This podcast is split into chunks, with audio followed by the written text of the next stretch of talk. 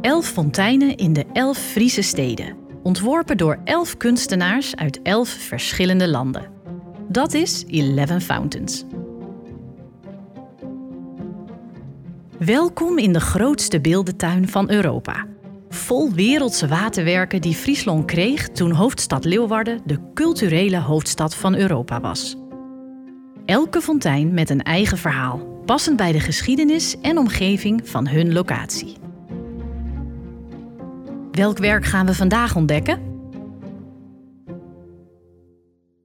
Hallo, ik ben Josse Pietersma. Ik ben historicus en verhalenverteller en ik woon in Franeker. Of Frenscher, zoals we hier in Friesland zeggen. Voor Friesen is Franeker de stad van de PC, het grote kaatstoernooi. En de oudste jaarlijkse sportklassieker van Nederland. Maar vandaag vertel ik jullie over onze fontein, de Oortwolkfontein. Franeker is een knusstadje, bescheiden van omvang. Maar met trots noemen wij ons de ster van de Elsteden. Verstopte tuinen, musea, kaatsen, stinsen, herenhuizen en een prachtig stadhuis.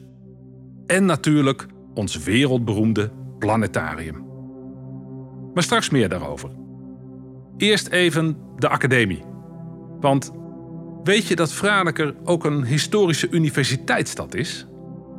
Usheid, Willem Lodewijk, de neef van Willem van Oranje, stichtte de academie in 1585 als beloning voor onze steun aan de opstand tegen Spanje. Na Leiden was dit de tweede universiteit van Nederland en studenten uit heel Europa kwamen hier studeren. Theologie, rechten, medicijnen of bijvoorbeeld wiskunde. Veel belangrijke wetenschappers hebben hier gestudeerd. Of zijn hier professor geweest. Naderhand werden ze vaak weggekocht door Groningen of Leiden. Maar ze begonnen in Franeker. Ook een van de belangrijkste astronomen van de 20e eeuw is hier trouwens begonnen. Ja, weliswaar als baby. Zijn geboortehuis staat aan de Zilverstraat. En de ontwerper van onze fontein heeft zich door hem laten inspireren. Onze fontein is namelijk een ode aan de wereldberoemde astronoom en hoogleraar Jan Hendrik Oort. Halverwege de 20e eeuw zorgde Oort voor een enorme doorbraak in de astronomie, door te stellen dat er in ons zonnestelsel als het ware een enorme wolk van miljarden komeetachtige objecten moet rondzweven. Bewijzen kon hij het niet. En ook vandaag de dag heeft nog niemand die wolk ooit gezien. Het bestaan van de oortwolk is daarom een hypothese. De best denkbare verklaring voor het bestaan van kometen. En hoewel dus niemand deze wolk ooit heeft gezien, heeft ook nog niemand het tegendeel kunnen bewijzen of een betere theorie kunnen bedenken. Met zijn theorie heeft Oort ons zonnestelsel in een heel nieuw licht geplaatst. En daarom heeft de kometenzwerm zijn naam gekregen: de Oortwolk. Uit Franeker. Best bijzonder eigenlijk.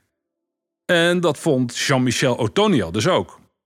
Hij is de Franse kunstenaar die voor Franeker de Oortwolkfontein ontwierp. Een 3,5 meter hoge fontein naast de Martinikerk, midden in een prachtige kruiden- en bloementuin. Trouwens, die Martinikerk is ook best een bezoekje waard. Er zijn middeleeuwse fresco's van heiligen. En de Martinikerk is de enige Friese kerk met een zogenaamde kooromgang.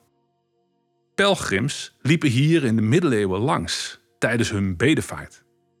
Eigenlijk een hele vroege vorm van toerisme zou je kunnen zeggen. Maar goed, eh, terug naar die fontein, want daar gaat het om. Onze fontein is strak en geometrisch en toch ook romantisch tegelijk. Op een stam van zwarte parels en één zilverkleurige maanparel staat een zwarte schaal. En uit die schaal stromen acht waterstralen in een laag bassin. Maar dat is dan alleen nog maar het begin. Want Op die schaal groeit de stam of ketting van zwarte parels verder naar boven tot een grote gouden parel, de zonneparel. Het centrum van ons hele zonnestelsel met daaromheen een goudkleurig geometrisch gaaswerk van waaruit de oortwolk als een nevel opstijgt. Ontelbare kleine waterdruppeltjes als knipoog naar de miljarden kometen om ons heen. Zwinter staat de fontein natuurlijk uit. Maar dankzij die schitterende gouden kroon is de oortwolk ook dan een stralend middelpunt. In ieder seizoen het bezoeken waard. En zoals bijna iedereen wel weet, is Oort niet de enige beroemde astronoom uit Franeker. In ons stadje, zoals wij zeggen, hebben we, zoals ik al zei, immers ook het planetarium van IJzer IJzinga. Het oudst nog werkende planetarium ter wereld. IJzer was geen wetenschapper, geen professor aan de academie. Van beroep was hij wolkammer, een zakenman, met een groot bedrijf. Soms werkten er wel honderd mensen voor hem. En daarnaast had hij een uitzonderlijke passie voor wiskunde en sterrenkunde. Stel je voor, in het plafond van zijn woonkamer bouwde hij een planetarium, waarop precies te zien is welke planeet waar staat en wanneer de zon opkomt of ondergaat en welke gestalte de maan heeft. Een geweldig uurwerk van hoepels en schijven, uitgevoerd in hemelsblauw met gouden details. Een wonder waar je uren naar kunt kijken. Sinds 1781 hangen naast de bedstee waar IJzer en zijn vrouw Pietje ooit sliepen, de gewichten die de Friese staartklok op zolder in beweging zetten. En daarmee het hele planetarium. De zon in het midden staat natuurlijk stil. Maar de aarde en de maan en de zes planeten daaromheen draaien al eeuwenlang keurig op tijd hun baan. Een wereldwonder. Als Franekers zijn we best een beetje trots dat IJzinga zijn planetarium in ons stadje bouwde. Het is tegenwoordig een museum waar je van alles kunt leren over sterrenkunde. Ook natuurlijk over de oordwolk. Door zijn planetarium had IJzinga ook contact met de academie. Professoren kwamen op bezoek om zijn werk te bewonderen en hij werd benoemd tot buitengewoon hoogleraar. Wanneer je nou meer wilt weten over de academie, dan kun je je licht opsteken in Museum Martena. Een uniek stadskasteel dat rond 1506 werd gebouwd voor de Friese edelman Hessel van Martena. In de universiteitszaal van het museum kun je kennis maken met de professoren en enkele beroemde studenten. Maar je moet ook beslist even naar de tuinkamer.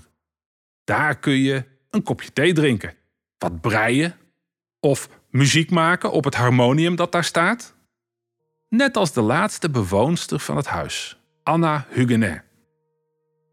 Oh, en natuurlijk moet je eventjes naar de studeerkamer van Anna Maria van Schuurman. Ja, zij woonde hier als jong meisje en later werd zij de eerste vrouwelijke student ter wereld. Een slimme en getalenteerde vrouw, waar we een hele zaal aan hebben gewijd.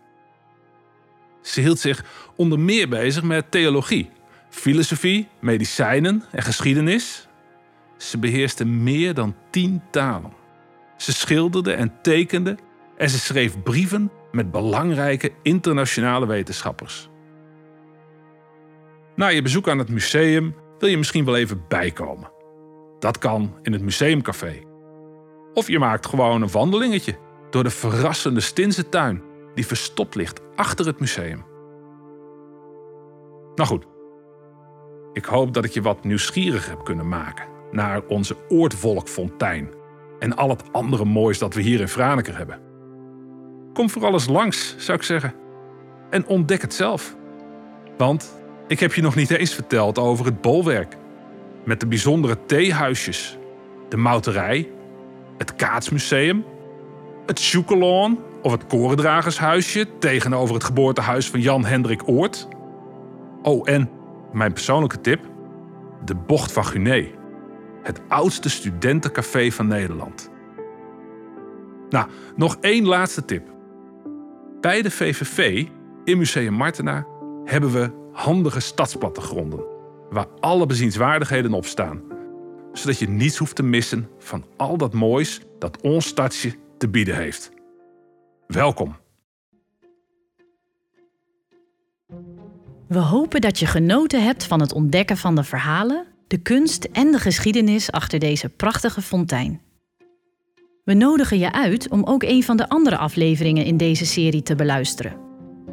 Zo kom je achter het verhaal van de walvis, de kieviet en de onsterfelijke bloemen. Deel deze podcast gerust met je vrienden en familie, zodat zij ook kunnen genieten van de magie van de fonteinen en Friesland. Wil je meer weten of de fonteinen zelf bezoeken? Kijk dan op 11fountains.nl.